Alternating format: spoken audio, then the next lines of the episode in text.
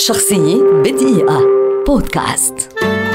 ولد المؤلف الموسيقي النمساوي فرانز جوزيف هايدن عام 1732 وظهرت عبقريته الموسيقية وهو ما يزال في أول سنين حياته إذ لحن أول مقطوعاته في سن العاشرة. في عام 1766 أصبح هايدن قائدا لأوركسترا الأمير استراهازي وبقي ما يقرب الأربعين عاما. كما كتب نشيد ليحفظ الله القيصر والذي أضحى بعد ذلك النشيد الوطني النمساوي.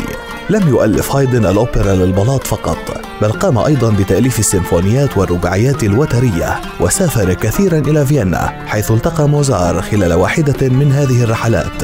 نما الرجلان صداقة وثيقة ووجدا الإلهام في أعمال بعضهما البعض. في منتصف عام 1792 غادر إلى ألمانيا حيث التقى الشاب لودفيغ فان بيتهوفن وسرعان ما أدرك موهبته. وفي نفس العام انتقل بيتهوفن إلى فيينا وبدأ دراسته مع هايدن.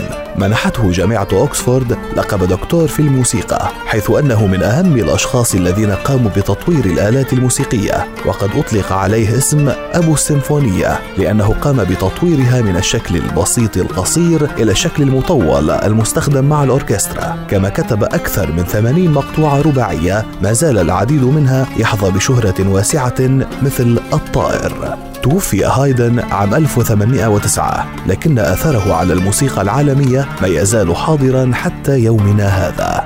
شخصية بدقيقة. بودكاست.